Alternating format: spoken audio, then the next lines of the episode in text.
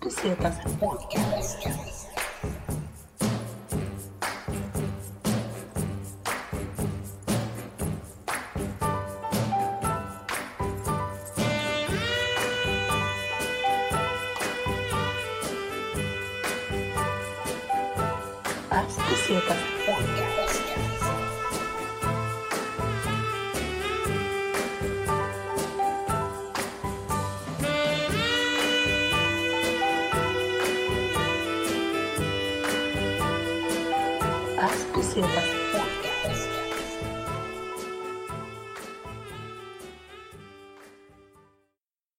hade tänkt att jag skulle ge liksom, lite så bakgrundsinfo om eh, alltså den svenska filmcensuren, för att den här filmen, så vitt vi har förstått det, vi kan ha fel, Eh, ja. Eh, men, men den här har då alltså verkar ha varit upphovet till vad som senare i Sverige blev filmcensuren, svensk filmcensur. ja. I och med att eh, Tror att den stod bak i många videobutiker där bak i porrummet. det är det som är, är frågan. Det ska, jag, jag lyfter frågan bara helt eh, fritt här då, den svenska filmcensuren, för den här har, har ju varit helt censurerad i Sverige. Ja, ja men jag tänker mig att det måste, det var ju säkert jättemånga som hade så här piratkopior på VHS och sånt, tror du inte? Ja, och, och, och någonstans så, vi diskuterade huruvida det här kanske också har varit eh, ett sätt att, att eh, marknadsföra det nästan, på många sätt. Mm. Eh, likt eh, kanske filmer som kom senare som, som också handlar om ett gäng ungdomar, eh, Blair Witch Project. Det var också en marknadsföring som var lite grann eh, annorlunda för sin tid. Ja, Ehm, men det finns ju många remakes på den här alltså. Ja, precis. Det är upp mot nio stycken. Ja, men alla är inte remakes, vissa är uppföljare också. Jag vet att det är typ tre, fyra uppföljare, sen två remake-uppföljare. Sen någon 3D-film såg vi också. Jag, det är jag, ger ändå en lite populär franchise. jag ger lite bakgrundshistoria. Vi dyker ner lite djupare i filmcensuren i världen istället. Eh, känns det okej? Ja. Filmcensur i världen då. Historik. I länder där exempelvis tidningar censurerades var redan från början filmverksamhet mer eller mindre statskontrollerad. Det är oklart när, när organiserad förhandscensur av alla filmer avsedda för allmän visning först infördes. I Berlin, Tyskland infördes förhandscensur utförd av Polismyndigheten år 1906. Ursäkta min skratt. Efter att poliser hade förlöjligats i spelfilmer och en tysk källa uppger att detta var första, första förhandlings... Förhands... Ursäkta. Att detta var första förhandsfilmsuren i världen. Jag censurerar dig. Nej, jag ska... Roger Blomgren uppger i sin bok Staten och filmen att den svenska filmcensuren år 1911 var först i världen. 1911 var första censuren, sa du det? Eh, jag upprepar. Roger Blomgren uppger i sin bok Staten och filmen att den svenska filmcensuren år 1911 var först i världen. Staten och filmcensuren. Det här är ju mycket intressant tycker jag. Eh, jag har en liten kort här om Finland. Då. I Finland förhandsgranskas bildprogram avsett för minderåriga av Statens filmgranskningsbyrå. Allmän filmcensur infördes 1911 och avskaffades 2001. Oj, 100 år av nej 90 år av filmcensur. Ja, precis. Shit. Vilket Ehm. jävla förtryck. Ja, men vi, kan ju liksom, eh, vi kan väl hänga kvar där, för det, vi kan ju koppla ihop de här temana eh, på många sätt. Vi kommer ju troligen komma tillbaks till det här. Eh, spontan kommentar, August? Om filmcensur. Ja. Eh, it stinks and I don't like it. Nej men eh, nej, vad fan det tycker jag väl inte är så jävla nice. Alltså... nej, alltså censur det blir ju verkligen, det blir ju en slippery slope som man brukar säga. Vad som ska och inte ska. Och jag är ju liberal va, så jag tycker ju att man snarare borde få visa allt än inget. Jag krokar fast dig där jag skriver så här. Jag har skrivit en kommentar gällande censuren, Mhm. som en kommentar på det som du sa. att jag kan till viss del förstå, förstå alltså censuren, hur, och med det menar jag att jag kan förstå hur den här granskningsmyndigheten, som vi då kan djupdyka i vid något annat tillfälle, hur de har resonerat.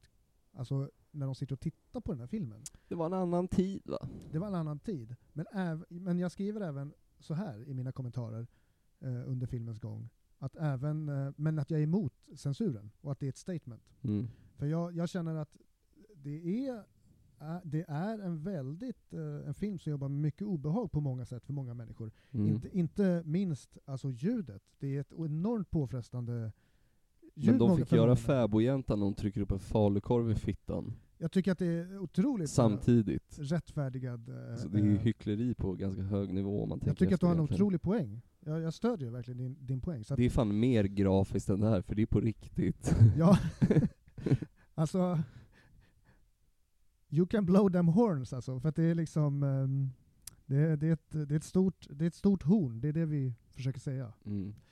Ehm, Ja, det är ju fan eh, ko- eh, så jävla kontrast, för det var ju som så här. andra länder tyckte Sverige var helt sjuka i huvudet för att vi gjorde sådana så po- eh, light porrfilmer om man ska säga, eller det där Ja, är och det, för det är också det är väl under porr, liksom, porr liksom, men 60-70-tal. samtidigt så hade vi någon jävla filmcensur då i 90 år. Det känns eh, riktigt retarded, men eh, å andra sidan, ja, jag vet inte fan.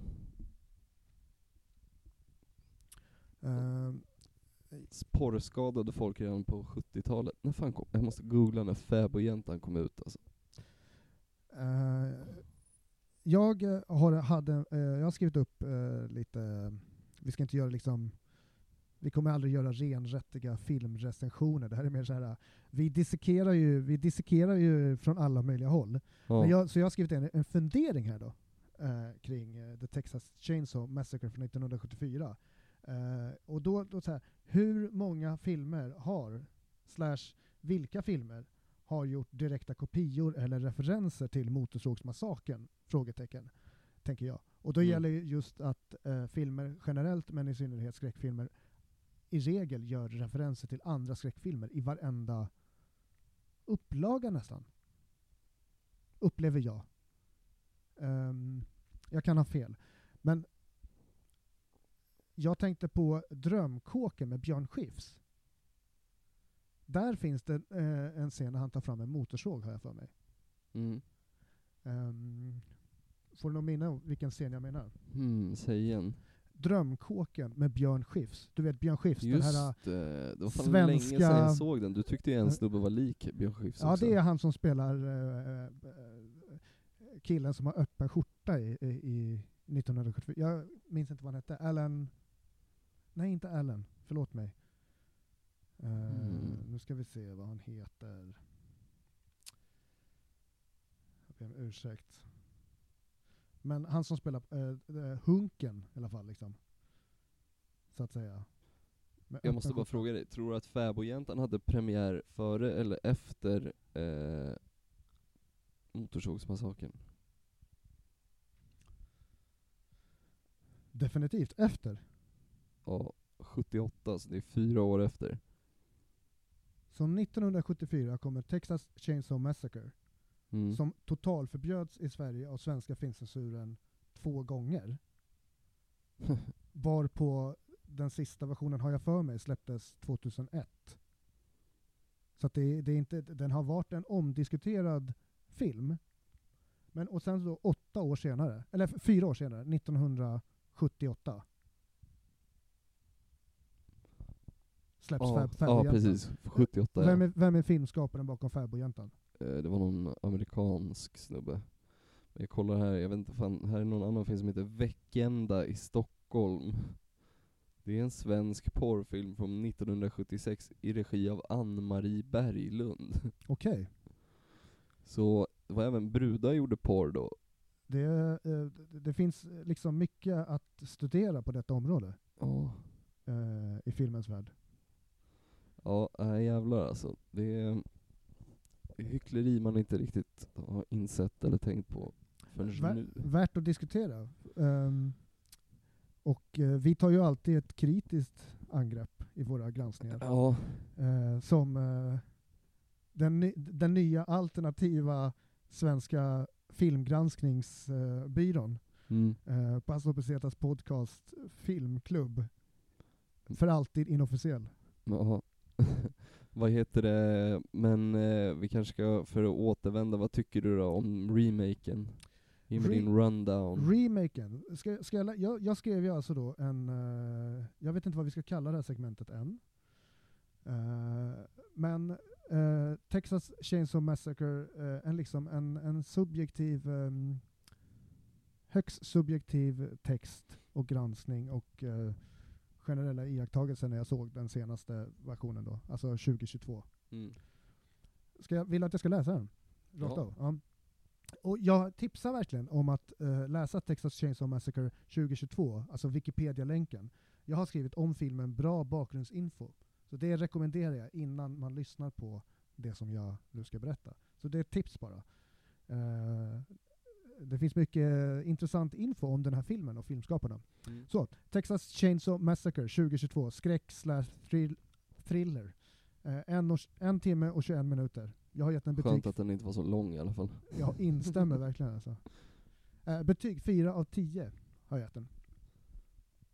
Eh, Fyra då- av tio vad? Fyra av tio stjärnor, eller jag vet inte. Fyra av Nej. tio... mm, Nej, inte stjärnor. Du får fyra av tio mm, dödskallar. Nej, var det tråkigt? Ja. Jag Fyra av tio ätpinnar. fyra av tio ärtpinnar. Perfekt! Fyra, av- absolut. Fyra av, eh, fyra av tio Notera ärtpinnar. hur woke jag var som inte sa Kina-pinnar. Ja, fast jag, jag eh, i och med att jag får, så i och med att jag, vad heter det, För dig, när, du, när du använder dem, då är det Kina-pinnar. jag säger alltid Kina-pinnar hemma till min sambo. Mm. Jag säger så här, ja, kan du ge mig Kina-pinnarna? Ehm, Och när hon säger 'Vart är Kina-pinnarna?' då säger du 'Vad fan säger du? Din Ja. jävla rasist' ja, exakt. Ehm, eh, och med den segwayen från ironi, som är så stor del av skräckfilmen, så ska jag berätta om vad jag tycker spontant i tre punkter mm. om eh, den här remaken då. Av The Texas Chainsaw Massacre. Eh, helt klart, nummer ett, helt klart en film jag anser sevärd i egenskap av skräckfilmfantast. Men generellt så känns filmen riktad till en yngre publik ur min, säljmässigt bransch, ur min säljmässiga branschsynpunkt. Men detta medför även chanser att slänga in en väldig massa moraliska och samhällskritiska poänger, på gott och ont. Helt okej storyline, roliga samtida referenser med teknik. Det är även i dessa scener då produktplaceringar i vanlig ordning, inom citationstecken, lite snyggt, hinner få ta sin plats. Hoppas att filmen bidrar till att fler kollar upp originalet, har jag skrivit som punkt nummer två. Och det är det som vi precis har gjort då.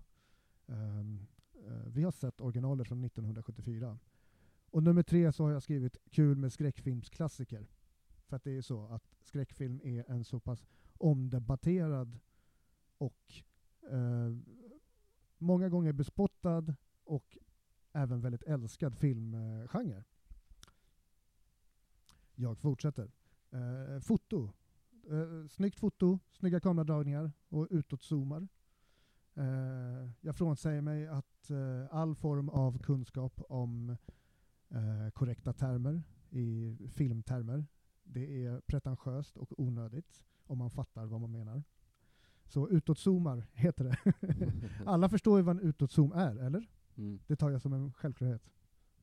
Du menar, man rör kameran framåt samtidigt som man zoomar ut, så får man den här effekten av att det rör sig bakom. Ja, någon form av utsugande filmeffekt eh, av, av Mm. liksom det som... Det, det, det är högst liksom nästan uh, övertekniskt att hålla på och hoppa ner på sådana. Men tycker man att det är kul så tycker jag att det, det är värt att nämna. För att, eh, eh, jag, jag går vidare. Snygga färger har jag även skrivit. Ehm, och, det, och staden som de är, nice svepningar över Harlow har jag skrivit. De är ju i en stad som heter Harlow. Det är, jag tror att en Mm. fiktiv eller... eh, Ingen aning, men det ska vara någon riktig jävla spök.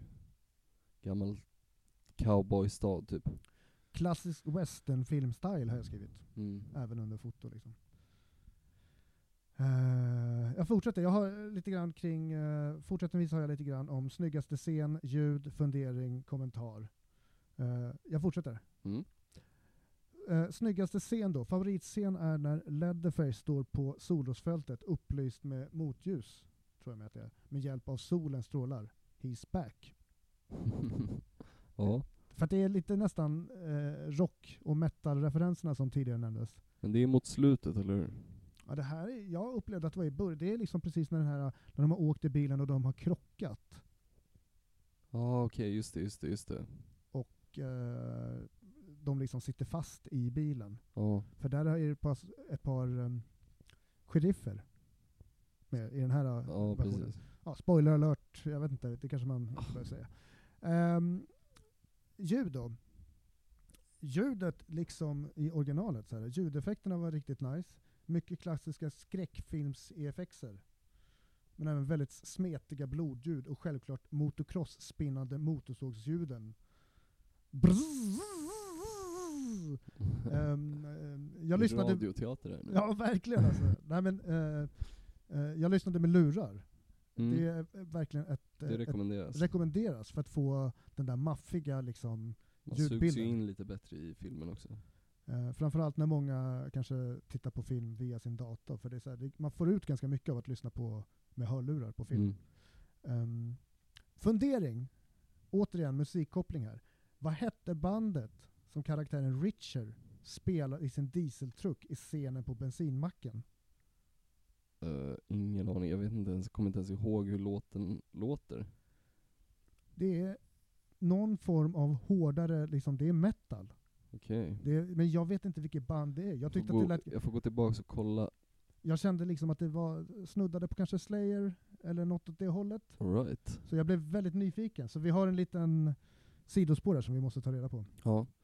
Vad heter det, mm, det var något mer, eller ja, du kan få köra klart ditt, för jag, ska jag komma med all min kritik sen? Jag har en slutlig kommentar om eh, The- Texas Chainsaw Massacre från 2022. Mm. Och den kommentaren är att folk borde börja se eftertexterna. Det är nördigt kul och lärorikt. Ta till exempel personen som var Key Makeup Artist. Vilken bortglömd stjärna. Mm. Min, kommentar, min, vidare kommentar är, vad skulle The Texas Chainsaw Massacre ens vara utan alla de här människorna som jobbar bakom eh, filmen? Alltså till exempel den som har jobbat med smink. Mm. Enorm insats. Eh, men även i denna film så kommer det en extra scen efter att texterna har rullat ett tag. Kul för filmnördar. Så det kommer en scen, om man tittar på hela filmen på 2022, så se igenom alla, för det är så jävla mycket namn på casten. Ja. Ja, ja, det är ju- man fattar hur mycket jävla folk det krävs för att få ihop ett sånt här projekt ändå. Och over and out, så eh, jag tar glädjeligen emot din kommentar. Eh, nej men vadå, jag ska väl bara säga så här. allmän jävla kritik. Du tog, var inne på det lite också, du tyckte att så här. Du sa att det, den också riktar sig till en yngre publik, och det känns som att de inte för de gör massa så här små blinkningar och hommager hela tiden i filmen till de som liksom eh, till de som är fans redan. Men sen så försöker de också spela till den här yngre publiken som inte har någon aning, och det blir så jävla dåligt, för då har de... Nej, det blir som att de försöker jonglera för många bollar samtidigt, tycker jag. Eh, och vet du, jag ska säga, vet du, den scenen där jag typ slutade egentligen kolla ordentligt och bara så här, ja, hade det mer eller mindre bara på i bakgrunden samtidigt som jag tänkte på annat, det var när Leatherface är inne i den där bussen med alla människor och någon snubbe som han typ ska, som bara står typ längst fram och är rädd, bara drar upp sin telefon så bara If you touch me you're cancelled, typ bro. Och man bara så, bara så här lägg av. Och han så livestreamade på Instagram och folk bara Oh my god, what's going on? Det hatade jag. Eh, bara att han verkade ha så här omänsklig styrka som någon jävla monster överlag kändes inte så jävla nice. Han är ju bara en vanlig inbred retard i första liksom. Eh, så även, även om han är en stor snubbe liksom, så, så här, jag vet inte, det känns som att de ändrade grejer som inte behövde ändras, alltså så här, jag vet inte fan. Det kändes mer som att han var Jason, en övernaturlig mördare än en än en jävla bara galen hillbilly liksom. Så det, jag vet inte fan, jag gillade det inte. Jag gillade inte heller att det skulle vara så här. Eh, när de kommer till den där stan och han ser någon så här gammal, eh, vad är det, sydstatsflagga hänga där på huset. Och bara, This some bullshit man, typ så ja, Karaktären i, i den här versionen så, om jag bara får eh, kommentera fritt. Mm. Eh, vad heter han? Dayton? Nej. Dante. Dante. Dante. Dante. Dante. Dante. Är det han du syftar på? Exakt. Mm. Intressant karaktär. Eh, ja, Mm. det är ganska schyssta kills i filmen tycker jag ändå, Ja. vissa. Men som sagt, jag gillar inte det där att han ska vara som någon så övernaturligt stark. Eh, och sen, ja. Som sagt, de flörtar ju lite så här med liksom, man märker de flörtar med gamla fans samtidigt som de försöker liksom jonglera någon så ny, suga in någon ny ung publik som Ett bara klassiskt knep Kolla, inom, Twitter är med i filmen, haha. ett klassiskt knep inom eh, skräckfilms eh, marknadsföring. Att använda sig av samtida eh, teknik framförallt. Mm. Vi har ju eh, bland annat, ja, eh, jag ska inte hoppa in i din... Nej alltså jag Man var blir så typ, passionerad när man typ, pratar om ämnet, ja men alltså jag var ju typ klar där, men bara så här, fan det var så mycket shit jag inte gillar och så här. Jag vet inte, originalet är ju liksom tusen gånger bättre om man bara kollar till liksom budget och eh, story. Som sagt, den är, vi sa det när vi kollade på filmen, typ hela filmen är ju nästan på dagen liksom. Och den är ändå läskig. Det är inte många filmer som lyckas med det. Nej, för att jag har också eh, noterade just ljussättningen. Det har jag som, en, som ett litet um, extra spår som jag eh, kommer göra en dragning om någon annan gång. Mm. Ehm, men just ehm, dagtid versus ehm, dagtid versus eh, kvällstid. Mm. Eh, det är, är olika inspelningsmöjligheter Ja. rent tekniskt. Ja, så är det ju också. Så att det, jag förstår att du, du eh, lyfter fram det som Mm. Ja. det tänker man ju måste varit jävligt begränsat för dem på den tiden och med den budgeten Mm. också. Och så här, hyra in lampor och grejer. Hur, hur mycket var budgeten på? 140 000 dollar. Mm. Man kanske skulle göra i jämförelse någon annan stor film som kom ut då, jag ska skriva här, 1974. Eh, movies. Ehm. Bum, bum, bum. Ehm. Överlag, Ja men typ Chinatown kom ut då. okej. Den vann ju, och Gudfadern 2. Jag ska kolla hur mycket Gudfadern 2 hade i budget. Där, där säger samtida filmer. Mm. Jag vet inte varför jag säger dessa, som att, som att jag... ja, dessa är det. Och dessa är, är, är samtida filmer. Eh, nej men okej, de kom alltså ut samtidigt. Eh, ja, samma år. Okej, okej. Eh, budget. 13 miljoner dollar hade den. Så typ 1000 procent mer blir det. Vilken hade 13 miljoner? Det är det, Gudfadern 2. Gudfadern 2 hade 13 miljoner dollar Ja. 1974. Och Motorsågsmassakern 140 000. Intressanta siffror. Också ett intressant sidospår att kolla in på någon gång. Mm. Men med de, ska, vi- eh, jag föreslår att vi sätter punkt där. Och sen så fortsätter vi i ett annat segment. Ja, lätt Samma alltså. film. Absolut. Eh, några, ja, jag vill väl tacka för alla som har lyssnat. Och jag vill tacka dig framförallt August. Tack själv. Vilka, vilka intressanta ord. Jag föreslår att kanske nästa gång så kan vi snacka om symboliken i motorsågs, Motorsågsmassakern. Mm. Eh, vilka finner ni eh, teman? Jag har skrivit död. Och eh, rent spontant, skulle du säga något annat tema som du tänker på? Mm. Och ta med sig det om eh, ett avsnitt i symbolik i Motorsågsmassakern. Eh, jag vet inte. Faktiskt, plocka inte upp liftare.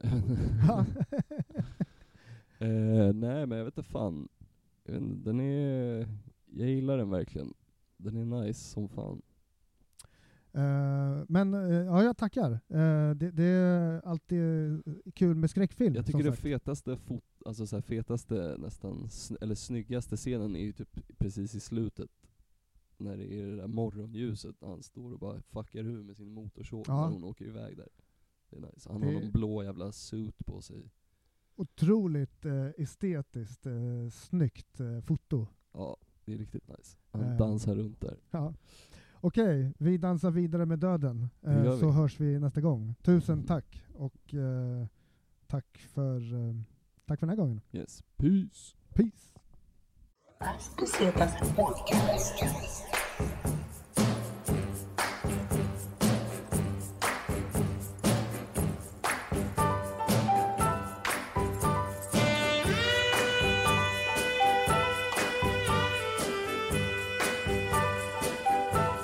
Bucetas Podcast. Bucetas